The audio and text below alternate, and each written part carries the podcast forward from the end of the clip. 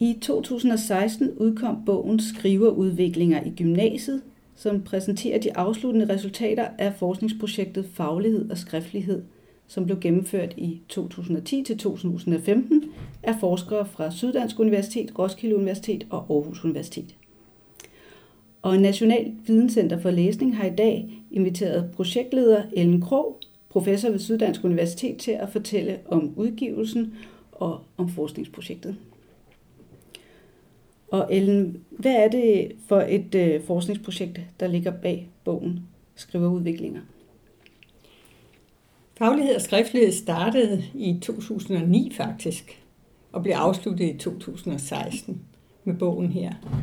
Og vi var en gruppe på Syddansk Universitet, som var optaget af den eksplosion i skrivning og tekst, som vi ser i alle sektorer af samfundet, og som har mest at gøre med udviklingen i den digitale teknologi.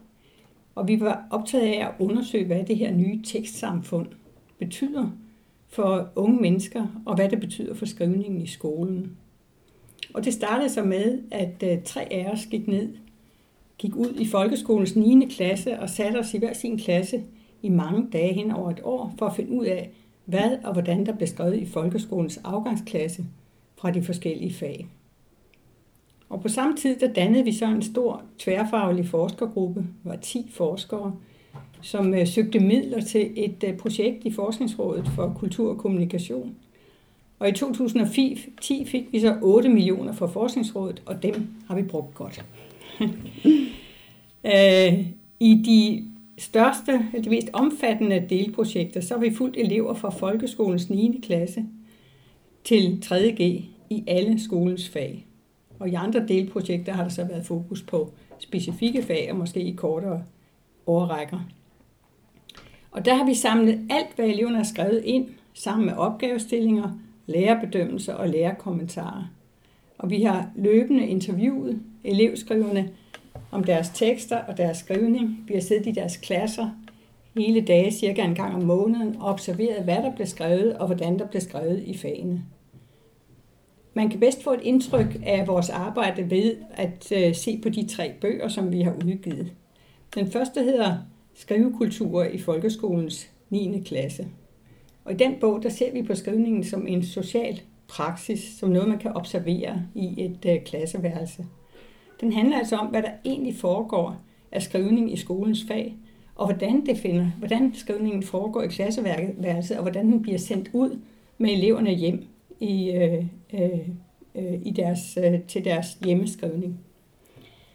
Vi interesserer os for, hvordan skrivningen øh, formes i mødet mellem tre forskellige kulturer, det som støder sammen, når man øh, skriver i skolen.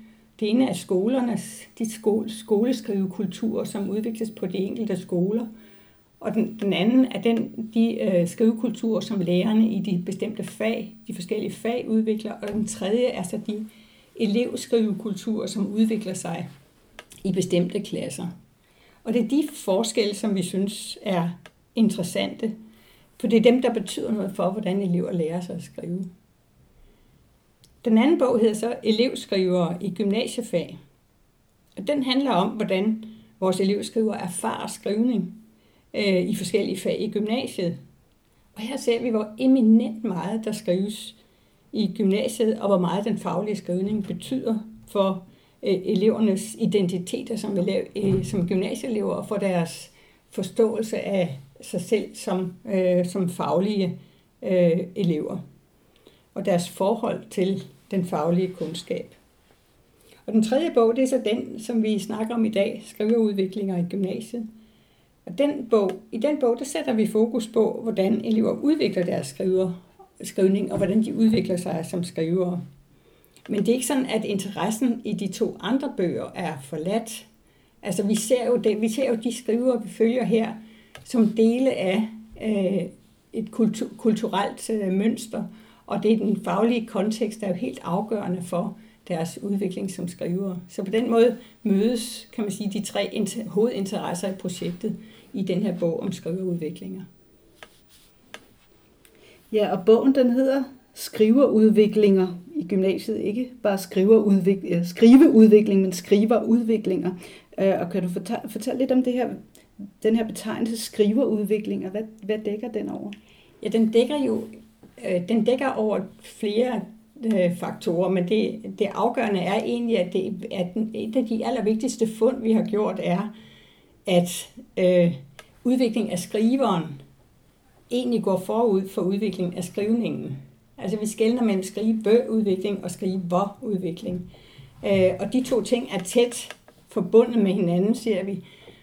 Men i de unge år, altså i, de, øh, i gymnasieårene, hvor der er så meget identitet på spil, øh, der,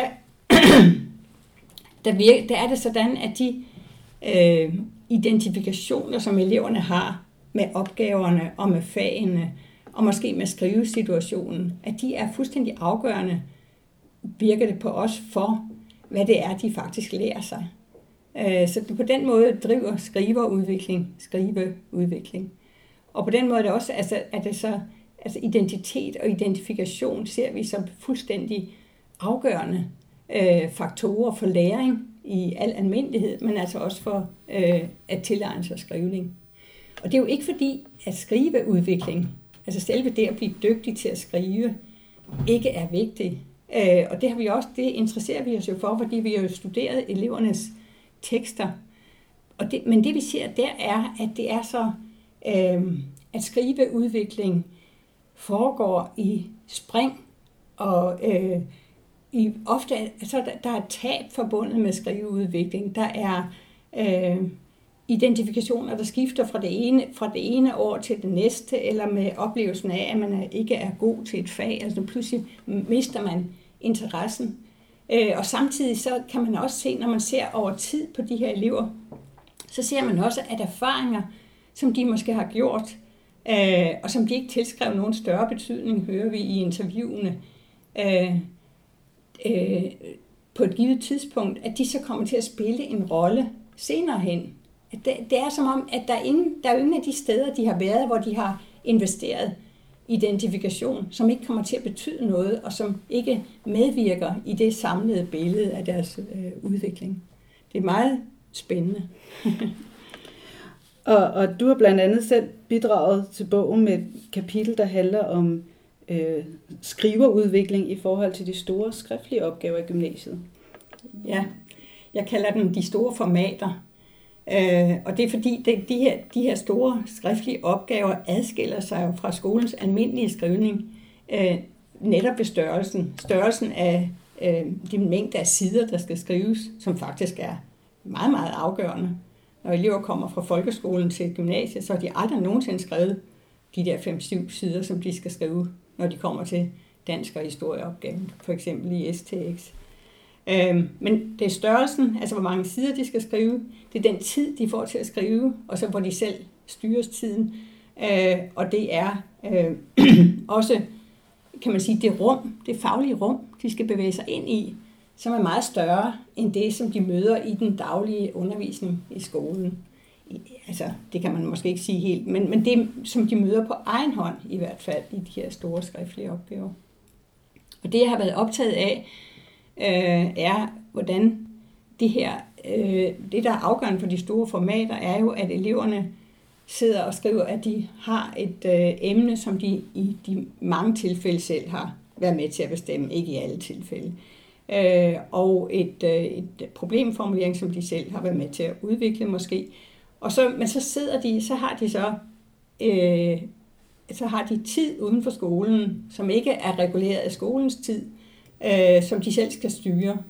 Øh, og i den tid, der skal de så øh, arbejde med det her faglige stof. Og, øh, og den der, den, det, det her skift i tid og rum mellem skolens tid og, og tiden uden for skolen, det her dobbelte, det her forhold mellem tid og rum, det ser jeg så kommer til at spille en rolle for deres forhold til den øh, kundskab, den viden, som de beskæftiger sig med. Altså med skrivningen tvinges de til at fordybe sig i øh, det faglige stof, som de skal arbejde med. Og den her kamp med stoffet, kamp for at komme ind under huden af stoffet og kunne skrive om det på en øh, måde, hvor man, hvor man tager ejerskab til den her kundskab.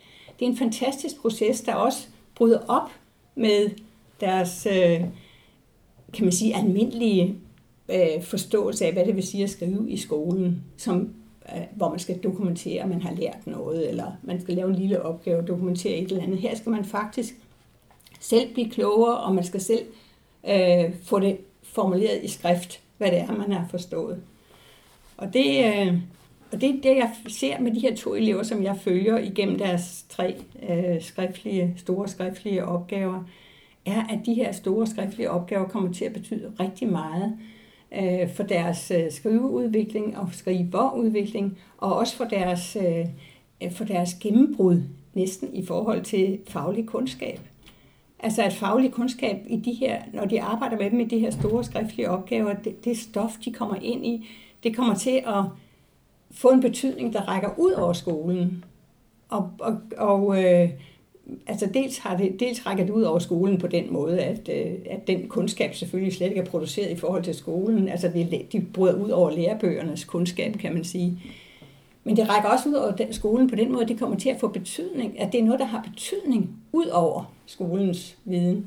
Sofia for eksempel, som er en af de elevskrivere, som jeg følger, hun skriver om, øh, i sin SRP og studieretningsprojekt, der skriver hun om klamydia. Øh, og der, går, der finder hun en forskningsartikel, selv en forskningsartikel på biblioteket, og gymnasieelever læser jo ellers ikke sådan forskningsartikler. Og det hun finder ud af er, at man faktisk kan blive infertil ved at få klamydia. Øh, og det pludselig får hendes forskning i, den, i studieretningsprojektet jo en betydning. Altså hun får en viden, som er relevant for hende og for hendes kammerater og for mange andre. Og det, det der engagement i den viden, hun, hun finder på den måde, får stor betydning for hende.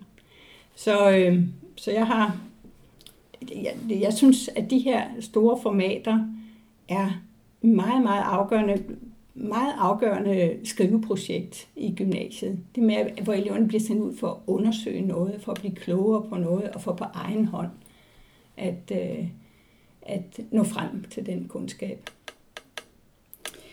Ja, og så til sidst, så, så kan man jo spørge, altså helt overordnet, øh, på baggrund af det her forskningsprojekt, altså hvorfor er det, at det er så vigtigt at forske lige præcis i skriftlighed på de gymnasiale uddannelser?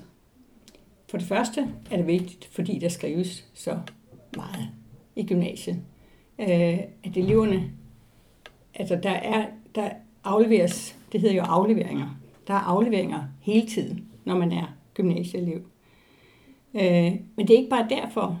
Det er også fordi, at det vi kan se, når vi har fulgt de her elever, er jo, at skrivningen er så afgørende for deres øh, identitet som gymnasieelev, for deres øh, forståelse af deres faglige identitet i de fag, som de øh, skriver i og som de studerer. Øhm, og den er også, skrivning er jo også afgørende for, at kunne, skrivning er jo et medie, hvor man kommunikerer forpligtende. og, og den med andre mennesker, og øh, som også handler om at som også øh, handler om at handle i verden og blive synlig for dem, som man skriver til. Øh, så skrivning er vigtig, øh, og det, jeg kunne godt tænke mig at slutte af med at, at øh, nævne en meget spændende amerikansk øh, literacy-forsker, som hedder Deborah Brandt, som har fulgt mennesker, amerikanere, i deres, med deres skriveudvikling og har interviewet dem i lange interview, Øh, store grupper af amerikanere. Øh, og, øh, og det, som hun en vigtig, vigtig pointe, hun finder frem til, er, at i dag er det sådan, at skrivning frem for læsning er blevet den dominerende kulturelle ressource i almindelige menneskers liv. Altså vi skriver hele tiden, og vi skriver mere, end vi har tid til at læse. Og det kan man sige, det får jo nogle konsekvenser for skolen, det får nogle didaktiske konsekvenser.